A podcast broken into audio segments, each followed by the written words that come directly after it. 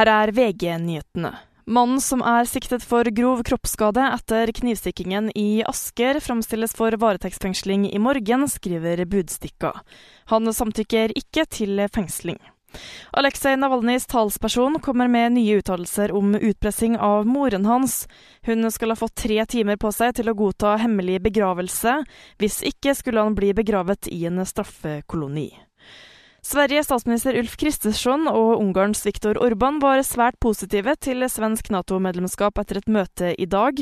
Det er ventet at Ungarn vil ratifisere Sveriges søknad på mandag. To be member of NATO together with another country means that we are ready to die for each other. Ungern och Sverige har starka band, över hundra år av diplomatiska kontakter. Vi är båda medlemmar i EU, vi är snart allierade i NATO.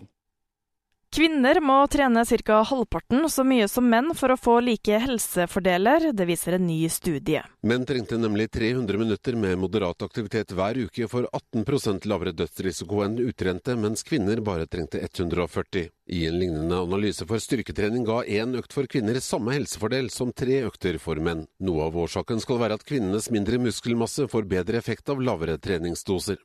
Reporter Frode Sti. I studio Miriam Alsvik, nyhetene får du alltid på VG.